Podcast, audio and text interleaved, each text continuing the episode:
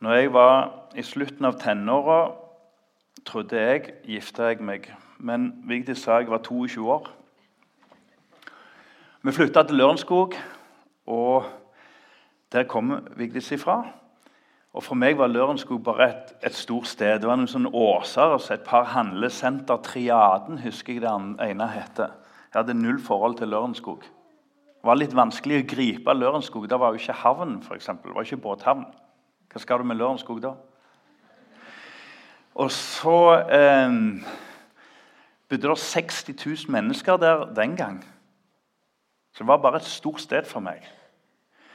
Men det lå et lite bedehus som heter Betania bedehus. Og Det bedehuset der altså, det var ganske stusslig å se på.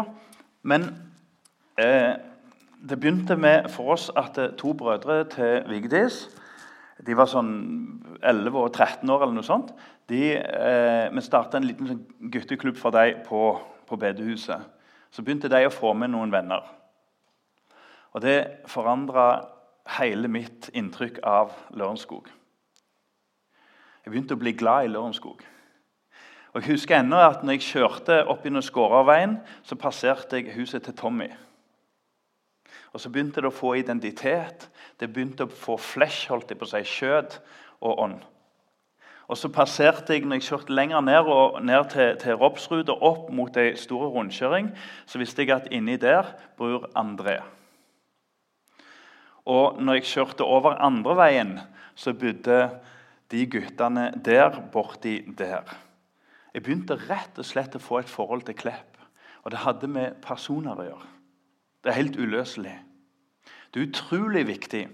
Eh, på den samme tida gikk meg og Vigdis Vi hadde nok våre venner hovedsakelig i Oslo. Jeg gikk i misjonsalder, jeg hadde stor glede av det. Men for å si det rett ut, Oslo var et sted jeg hadde et forbruksforhold til. What's in it for me? Jeg, jeg, jeg hadde ikke tanker for Oslo. Og I tillegg så var jeg mest litt sånn kulturelt forplikta til at Oslo der kjøper du kebab, og så kommer du ut så fort som mulig. Det var liksom humoren i Tananger. Vi skal ikke til Oslo. Det var direkte negativt. Hvordan er ditt forhold til Klepp? Jeg vil påstå å si at eh, i møte med disse enkeltpersonene, de fleste fra kirkefremmede heimer og flere kommer til tro, så tror jeg jeg tør driste meg til å si at jeg begynte å leve et misjonalt liv på Klepp. I Oslo var det egentlig like greit jeg ikke møtte opp. Det var faktum. Eh, vi skal ta ei bok nå og lese en tekst som handler om by. Og Hvis vi får opp et bilde nå fra Klepp altså, Det er rappa fra disse bildene oppe på Kjept Klepp. Det må heller ikke komme ut. Men her ser dere altså kirka. Jeg, jeg, er så nervøs i dag for at vi bommer på noen bygg, bygg, her. For det sitter folk som vet mer enn meg her. Men jeg tror det bygget til venstre Ikke det bedehuset. Det sto i hvert fall det der oppe. Og Det ser jo ut som en sånn der settlersituasjon i USA, gjør det ikke det? For et ødeland. Kan folk bo der? Så teksten vår bommer fullstendig. For vi skal se på en tekst fra en by. Men vi så jo at noen år seinere er Klepp i ferd med å bli en drabantby. Og Poenget mitt i dag er ikke å si liksom at bygd det er bånd i bøtta. Det, det, er by som gjelder. Men det handler litt om å komme i sammen og søke der mennesker er. Ehm, eh, du, du, har jo den her, du har jo den her eh, greia der en skulle tro at ingen kunne bo, eller jeg, jeg kaller den 'der ingen burde bodd'. Eh, det er jo romanse, det. Men det er ikke sikkert det er helt etter Guds intensjon å bo helt alene. Og jeg vet at Før så var det mange som utvikla ganske mye sykdom med å bo altfor alene. Så vi skal ikke romantisere det for lenge. Jonas det er ei bok Jonas, Jonah-bok er ei bok om Guds kjærlighet til alle nasjoner. Og Det er en bok om Guds kjærlighet til store tettsteder, helst byer. 'Great City' står det i, engelske bibelen. Jonas sjøl, som, som, person Det kapittelet vi skal lese nå, der, der kommer du kanskje til å oppdage at Jonas hadde et snev av rasisme. Jonas var på grensen til litt sånn farisistisk. altså Han heva seg sjøl. Og så så han ned på andre. Og så var han oppgitt. Og summen av det ble en cocktail av giftige holdninger til der han var der og da. Vi har en sang som heter 'Det en mening med at du bor der du bor'. En fantastisk sang. For Jonas var det bånd i bøtta der han var nå. Vi leser fra Jonas kapittel 4. og I dag har jeg lyst til å lese uten tekst oppe, for vi må øve oss i å lytte. Gode venner. Men dette mislikte Nei, Jeg begynner i slutten av eh, kapittel 3 for å få med en viktig detalj. Siste verset, vers 10. Gud så hva de gjorde, at de vendte om fra sin onde vei. Da angret Gud på det onde han hadde sagt at han ville gjøre mot dem, og han gjorde det ikke. Men dette mislikte Jonas sterkt, og han ble sint. Han ba til Herren, 'Herre, var det ikke det jeg sa da jeg var i mitt eget land? Derfor vil jeg skynde meg og flykte fra Tarsis. For jeg vet at du er nådig og barmhjertig Gud. Du er sen til vrede og rik på miskunn, så du angrer ulykken. Men nå, Herre, bare ta livet mitt, for jeg vil heller dø enn å leve. Da sa Herren, er du virkelig så sint? Jonah hadde gått ut av byen og slått seg ned på østsiden av den. Der hadde han lagt en løvhytte og satte seg i skyggen under den for å se hvordan det gikk med byen.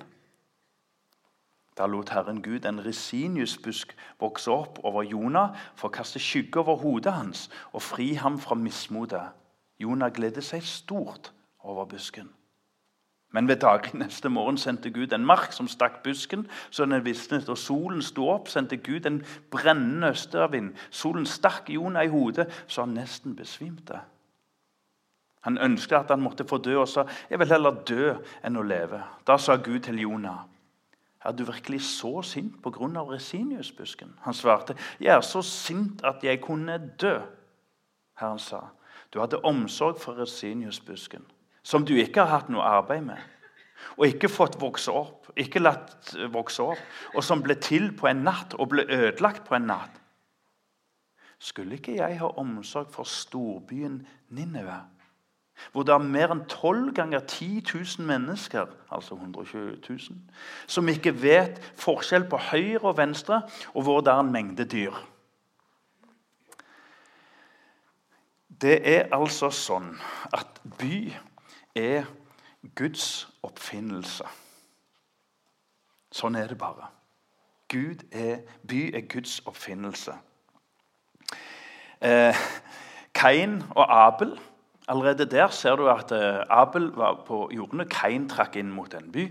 Og Abraham han fikk beskjed om å opprette en by der rettferdighet råda, sånn at de som hadde gjort galne ting, rettferdig eller urettferdig dom, kunne flykte til. Det skulle være en by. Og så vet vi jo det at Jerusalem er jo ikke et menneskelig påfunn. Det er Guds vilje. Og det nye Jerusalem Jeg må bare minne alle som er veldig glad i der, der, den serien 'Der ingen burde budt', minne alle om at det finner du ikke i himmelen. Der blir det en eller annen form for stort fellesskap. Ja. Og så skjer nemlig det at eh, her på Klepp så vokser dette stedet noe så voldsomt. Og er nesten ikke til å kjenne igjen. Bare på vår tid har det skjedd Jeg lurer om det var 13 000 da vi bodde her. Så fort har det gått. Og vet du det? Eh, Keller som jeg er veldig glad i, han intervjua en pastor som heter Bill et eller annet i New York, som holdt til i noen litt sånn trange gater. Der hadde funnet et lite lokal og hadde en menighet. Og Så spurte han hvorfor vil du være her. Liksom, er dette plassen å, å, å etablere menighet? Så svarte han på landsbygda er det mye trær og lite mennesker. I byen er det lite trær og masse mennesker. Siden Gud liker mer mennesker enn trær, så er jeg her. Alle lo, unntatt pastoren. For han var det rammealvor. Jeg vil være der folk er. Jeg vil være der ting skjer. Jeg er nesten oppdratt til å tro at i en by nei. I et tettsted nei. Vi får håpe på en liten flik her og der at det kan skje et gudsunder. I en by er folk søkende. Har du tenkt på det? Åpne, sårbare og søkende. Jeg husker når vi flytta til Klepp. Jeg kom 15 dager før Vigdis. husker Jeg Jeg tror jeg kom 15. januar. Årstallet har jeg ikke peiling på. Så gikk jeg ned på gamle Coop-en her nede. Og så, Da hadde jeg allerede møtt bedehusstyret og så to-tre stykker. Knut Are Kleppe og et par til. Og så, og så var jeg litt sånn, gikk jeg med handlevogna der, så var jeg litt sånn Å, kjenner jeg igjen noen? Jeg var ny, jeg var sårbar, men jeg var òg enormt nysgjerrig og åpen. Er det noen som kjenner seg igjen? Det er jo sånn det er å flytte for en student. og hvem det er.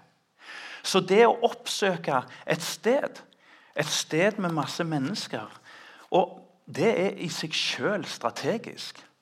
Og Jeg leste en som skrev det at misjonsbevegelser og kirker burde være mye tydeligere på at fokus og hovedressursene må settes inn i byene for de som er interessert i det. Men vi har langt på vei tapt byene som kultursenter for kristendom. Sånn, Det tror jeg er faktum. Hvem er hovedpersonen i historien vår? Er det fisken? Jonas i fisken? Eller hvalen, som det heter? Er det, er det Jonas eh, sjøl? Nei, det er jo Gud som er hovedpersonen. En forfatter som har litt innsikt, en norsklærer som jeg nettopp traff her Hvis han hadde lest teksten, så hadde han sagt her er Gud hoved, hovedpersonen. Fordi avsnittet avslutter med 'skulle ikke jeg'. Skulle ikke jeg, altså Nerven i teksten Skulle ikke jeg bry meg om 120 000 mennesker? Og så er det noe merkelig, for det står at de, ikke, de klarer ikke å skille mellom høyre hånd og venstre hånd. De, helt, de, de lever i mørket, de er helt forvirra, men de har dyr. Hvordan tolker vi det? Men de har dyr. Altså, Penger for oss er jo mikrochip og, og, og, kort, og vi ser det jo ikke lenger engang. Vi tar ikke de. Det er derfor vi har misjonsbøsser til ungene nå, for å gjøre det litt fysisk. Penger den gang veide 300-500 kilo. Det var dyr. Gud viser i teksten vår skulle ikke jeg ha omsyn for hele byen? Så Gud har ikke bare omsyn for én og én. Du vet den der 99 og 1, ikke sant? Der, der, der, historien handler om den ene. Men her ser vi at Gud har rett og slett i teksten vår et voldsomt hjerte for hele byen. Med dyra. Han passer på at de har det bra. Han passer på at ting fungerer. Det er flere arkeologer som sier at Ninive antakeligvis 2700 år siden var verdens største by. 1,2 mil lang. En fantastisk historie. Det er altså Gud som er historiens eh, sentrum her. Men det er nå en gang Jonas som ble kalt og valgt ut. Og han kommer jo skikkelig skjevt ut. Han bor i trygge omgivelser, kan en tro. Homogene, kjente. Og så kastes han ut og får beskjed om å gå med et budskap til Ninive. Han svarer nei. Det vil jeg ikke. Han flykter for å komme unna Guds kall, står der. Og Så drar han til Tarsus. Det går jo den veien høner sparker. Og det ender med at han til slutt blir spytta på land av en fisk, som vi sier. En underhistorie. Og Jesus han stempler det fast og sier at dere skal ikke få et annet tegn enn Jonah-tegnet. Så Jonah er ikke en parentes. Han er selve sentrum i Guds historie. Som tegnes opp og ender hos Jesus Kristus. Så nekter han altså første gang. og Så går det over til kapittel to. Det er voldsomme kamp, og han uttrykker sin bekymring og sine svære linjer. Og I kapittel tre går det til suksess. Han er lydig. Da han blir han spurt andre gang, så går han inn i byen. og Der står når han har gått én dagsreise inn, og det er helt naturlig. Prøv å gå gjennom en by med 120 000 tett samla, så tar det litt tid. En dag går han inn, og så plutselig så tar han mot til seg og så forkynner han det budskapet han ennå ikke hadde fått. At om 40 dager skal denne byen ødelegges om ikke dere vender om. Og Det står ikke at han skulle snakke med dem, sette seg ned med dem. Han skulle forkynne det til dem. Rett sånn opp i ansiktet på dem. Og vet du hva som skjer? Byen tar budskapet til seg. De kjente ondskapen. Den ble, den ble, avslørt mye tydeligere. Og til og med kongen sender ut, som var kjent for å halshogge folk akkurat når det passet ham. Omvender seg i håp om at Gud kunne vise nåde. Og så er vi altså kommet til den situasjonen i kapittel 4 der det går skikkelig galt for Jonah. Og Det sier noe om hva som bor i han, eller ikke helt har fått plass hos han. Og jeg kjenner meg langt på vei igjen. Og så tenker en, Hva i all verden skal en med Ninneve? Liksom, 2700? Jeg bor på Klepp. Men prøv å tenke. Hva er Jonah? Hva lærer han oss inn mot vårt samfunn, vårt, vårt fellesskap? Jeg håper dere ser vi har ballonger her med Klepp kommune. Disse er visst antikke, sies det. Um, Jonah ble sint. Og det står egentlig på hebraisk 'sharak', altså rødglødende. Han skal ha det han var ærlig. Rasende. Og hva var det han ble sint på? Det er det mange som har tolka litt ulikt. Men det er ikke utenkelig at han kjenner på Hør her. Skal jeg gå inn igjen og komme med versjon to nå har jeg sagt det, nå har jeg vært lydig. Du holdt på budskapet. Jeg gikk inn i tro, jeg var lydig, du delte budskapet med meg. Jeg har delt det med de. I'm, don't shoot the piano man. Så står han der. Og så må han gå inn igjen og si du, 40 dager det, eh, Jeg har versjon 2.0. Eh, nå blir det sånn. Nei. Og så blir han rasende sint rasende sint. Um, du dummer meg ut. Han ville dø. Rett og slett ville dø. Det er bedre jeg ligger her under busken, som du nå har svidd ned. Det, det er bedre nå at jeg ligger her og dør. Og Der kjenner jeg meg sjøl veldig igjen. Jeg tror ikke jeg blir så veldig sint. Men jeg kjenner at vitnesbyrdets kraft er død mange ganger i mitt liv. Det at Gud har lovt at hans kraft er ved vitnesbyrdet. Ikke for kvaliteten, ikke for lengden og fordi at jeg er så pedagogisk, men simpelthen fordi at Gud har lovt det. Og Jeg har hørt at på Klepp rundt forbi så ble folk frelst ved de mest stotrende vitnesbyrd. De mest klønete framgangsmåter og de mest uheldige tidspunkt. For lydighet går over kvalitet i Guds rike. Og så, så skjer dette her, at han bare vil dø. Og i historien vår i dag, på dette bedehuset Jeg håper jeg peker rett her nå. På dette bedehuset her, så ble Kinamisjonen, som etter ryktene skal være altså NLM, som vi hører til, eller Misjonssambandet, som det nå så nøyaktig heter Der det ble det vanlig å dele vitnesbyrd og synserkjennelse. De snakket til vanlige menneskers liv. Og det rørte ved folk. Det rørte ved folk. Vet du hva? Et vitnesbyrd er noe av det mest kraftfulle som fins her i vår tilværelse. Men hos han så hadde han aldeles mista troa. Matteus anerkjenner vitnesbyrdet hans i første runde. Fra Matteus 12 så sier han det for de omvendte seg ved det som Jonas forkynte. Så ble han provosert. Gud, du er jo en raus Gud, sier han. Han har en bønn. Og Det er vanskelig å vite hvor ærlig og hvor sann den var, og hvor djup den satt. Det er ikke helt godt å få tak på, syns jeg. Men, men du har vist meg nåde opp igjennom. Men dette folket her, der går grensa. Der går grensa. Vitterlig, altså. Så han ble rett og slett provosert. At Gud tilgir hvem som helst. Jeg vet ikke om du vet det, men På den tida var dette et mektig rike, og de trua Israel. Og de trua de egentlig gjennom å herje blant dem. Så hvorfor i all verdens rike skulle han være en budbærer av Guds nåde, av det samme folket, som var i stand til å slakte dem ned akkurat når det passet? For vi kan òg lese at dette folket det vendte seg fort bort fra asker og strie og tilbake til sine gamle synder. Noen som kjenner seg igjen? Vet du det? Jeg har av og til kjent den tanken av Lørenskog over Oslo. Og det har sneket seg inn en tanke av og til Klepp. Nei. Nei, det er håpløst. Nei, det nytter ikke. Og Jeg hører òg ofte at tonen blant Guds folk jeg bruker gammeldags ord her, tonen blant troende er egentlig liksom det, det hjertet er fullt av, så, så, kommer det opp litt sånn egentlig setninger av mistro.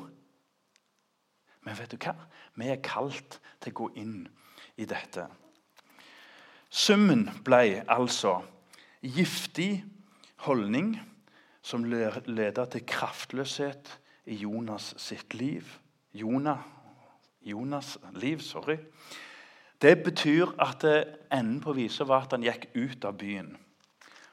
Og vi er i dag samla i takknemlighet til fedre og mødre som gikk inn. Hans Nilsen Hauge er bare et bilde på det mange har litt 16 år i fengsel. Og vet du hva? De knakk han.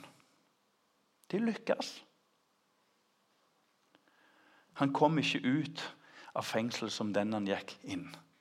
Men de gikk inn når vi mennesker går ut. Jeg leste en plass at ca. 150 etter Kristus Da har jo kristendommen så vidt kommet i gang. Så brøt det ut noen voldsomme pandemier.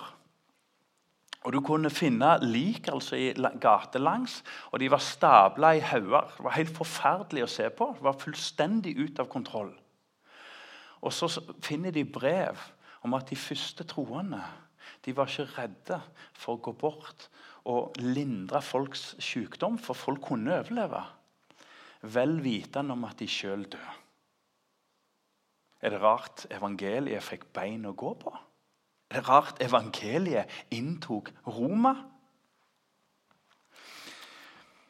Paulus gikk rett inn i byer, rett forbi landsbygder. Kanskje han hadde gått forbi Klepp òg, jeg vet ikke. Men søkte de store byene og søkte de store kulturene, for han visste at når byen forandrer seg, så forandrer kulturen seg. Og når kulturen forandrer seg, så spres det utover. Vi må vinne byene. Han gikk rett til kjernen. Eh, det var en voldsom katastrofe for eh, israelsfolket etter, etter denne tida som Jonah levde i. Og Det var kanskje den store store katastrofen med, med Babylon. De blir erobra, og de blir tatt ut, de som var liksom etlinger av David og, og, og, og, kong Salomo, som hele verden liksom drog til for å finne visdom og hjelpe oss. Plutselig så blir de bare sånn kasteball. Så blir de plassert ved elvene i Babylon. Og så står det jo i salmene på piltrærne der i landet lot vi våre harper henge. Det var ingen feststemning. Det var bånd i bøtta. Og Da sa lederen, og dette har jeg utfordra fokus på før Da sier lederen det at nå, godt folk, nå holder vi oss her. For vi er fanga her. Men vi går ikke inn i byen. Der er det en åndelig, moralsk og, og, og verdimessig Eh, forfall. Det er en søppelhaug. Vi holder oss unna det. Og så kommer Jeremia. Og Det sier noe om Guds hjerte for by, for der folk er. Og Guds hjertelag for fellesskap. Så sier han gå inn i byen. Bygg hus. Få unger. Søk fred i byen, står der. Dette er mektige greier. Søk fred i byen. Jeg har en bønn. om at eh, disse to husene Nå står jeg jo på Jeg tror det står ikke jeg nå nesten på det gamle bedehuset nå, første. Røffelig her. Jeg tror dere er i grensa her en plass. Jeg har en bønn om at eh, disse to gjenværende husene kan få bli et fredshus. Fordi de starter med å skape fred der det er ufred. Fantastisk. At mennesker kan komme inn i ditt hjem, inn i dette hjemmet. Inn på din arbeidsplass, og så dannes det fred. Søk fred. Men da må vi ikke gjemme oss vekk. De fikk panikk, og de gjemte seg vekk. Paulus gikk rett inn. Jonah han fikk voldsomt omsorg for dette treet som han mista. Og så svarer eh, Gud ja, men 120 000 det er jo dette det handler om, mens du har fokus på en busk som ga deg beskyttelse. Fins det eh, Guds by? Hva er Guds by? Hva er Guds samfunn? I Babel gikk ryktene. Vet folk alle ville til Babel, Babylonia. Ryktene var at der kunne du gjøre deg et navn. Jeg leste i avisene nylig at, jeg, at det kunstnere og liksom disse herrene ja, og, og, og, og, musikkartister og sånne de flytter fra Rogaland til Oslo. Det er visst vanskelig å gjøre seg et navn her, sies det. Kom til Klepp. Babel, Babylona, gjør sitt eget navn. I Guds by der gjør vi Jesu Kristi navn ved å tjene andre. Er det noen som kjenner seg igjen i den kampen? Med å gjøre seg sjøl et navn og gjøre andre mennesker en tjeneste. I Guds rike tjener vi andre. Komt for å tjene, står det om Jesus. Abraham er jo et kjempebra eksempel, altså. Sodoma. Jeg skal ha det av den og så et lite eksempel til slutt her. Abraham, altså, han eh, hadde jo nød for sin bror, og broren var jo et naut. Når Abraham spør tar du til høyre, så tar jeg til venstre, så skjønner jo ikke, skjønner jo ikke broren at, at, han burde spurt Abraham, for det var Abraham som hadde kallet. Det var Abraham som kunne veien. Så han, broren han Lot han velger sjøl, og så skulle han bare ned en dal, og så skulle han bare i byporten, og så, og så ble han byen. Byen forma han, han forma ikke byen. Han gjorde det som Jeremia sa, men det var noe som gikk galt. Så står Abraham på utsida, og så trygler han Gud. Og Hør hvordan Abraham er liksom i ett med Gud. Om det var ti rettferdige, kunne du da spart byen? Jeg har alltid tenkt på de ti rettferdige. Men hva med byen? Hva med de store massene? Noen av kvinnene i NLM, eh, an, eh, hun Vågen f.eks. Hun hadde en enorm nød for den ene kineseren for hele Kina. Det hang sammen. Den ene for alle. Nei, dette er spennende, altså. Vet du hva? På Klepp, altså, så kommer det nå en generasjon, generasjon Z. XYZ. Jeg kan ikke så mye om dette, men jeg har skjønt, sier noen Jeg kan være litt enig at uh, generasjon Z, den unge slekta som vokser opp nå, er litt, uh, litt tynnhuda og, og, og, holder mor og far i hånda, eh, sier noen andre. Men den samme mannen, Skjøde, han i laget, han kommer her til senere i vår, han sier at generasjon Z er den mest spennende generasjonen på lang tid. For de er opptatt av rettferdighet. De er åpne, de er ikke fulle av sin egen De, de, de, de tar ikke vare på bitterhet liksom, og holder på at én sa noe og én gjorde noe. De er åpne. Ikke det er spennende? Dere skulle vært her i går, altså. Og Jeg hører det er foreldre som bare vil komme opp bare og se, bare merke. Her sitter Mats, uh, formannen hos oss, midt i salen og leder altså en full sal med ungdommer. Generasjon Z. Som ikke smører dritt på skjeva si til hver frokost, men er spørrende og åpen. Er ikke det spennende?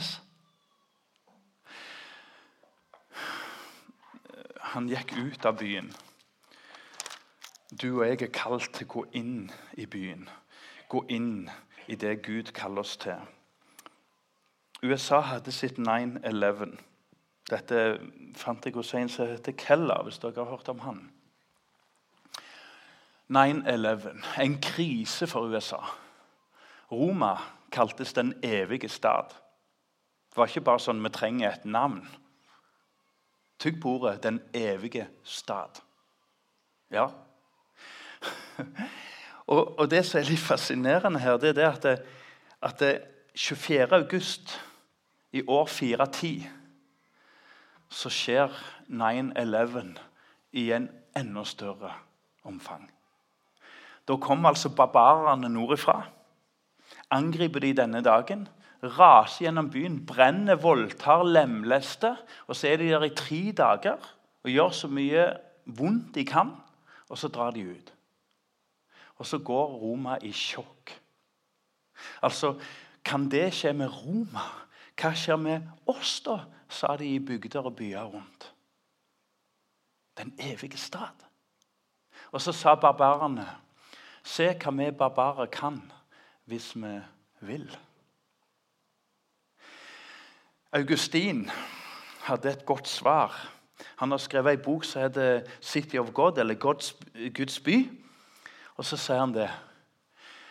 De kristne på den tida eller det er det som er den historiske konteksten, De kristne på den tida de var jo faktisk i ferd med å innta Roma. De gjorde som Jeremia. De satt på postene. De var begynt å lede byen. Konstantinske omsving det var jo 75 år siden. 85 år siden. Hæ? Men de klarte ikke skille mellom jordas evige stad og den himmelske evige stad. Så Augustin sa at det er bare én evig stad. Det er bare én trygg by. Og det er den byen som kommer. Johannes døperen han sa ikke at en dag så flyr vi av gårde og forlater denne søppelhaugen. Han sa at Jerusalem kom. Og det er jo det vi fikk høre. At Jerusalem kom. Guds rike kom. Det er allerede kommet. Og det kommer i sin fullkommenhet når Jesus holder dom og kaller oss inn til den eneste solide byen. Hvordan skal du og jeg innta byen? Hvordan, vi kaller Klepp by nå, i hvert fall en drabantby. Hvordan skal vi innta byen? Jo, ved å vite at den er utrygg. Ved å vite at dette livet er utrygt, og det som kommer, det er solid. Husker du Jesus i påsken? Han mista byen. Har du tenkt på det? Han lengta til drap til Jerusalem, så mista han han. Utenfor portene ble han drept og korsfesta, sånn at du og jeg kan innta byen.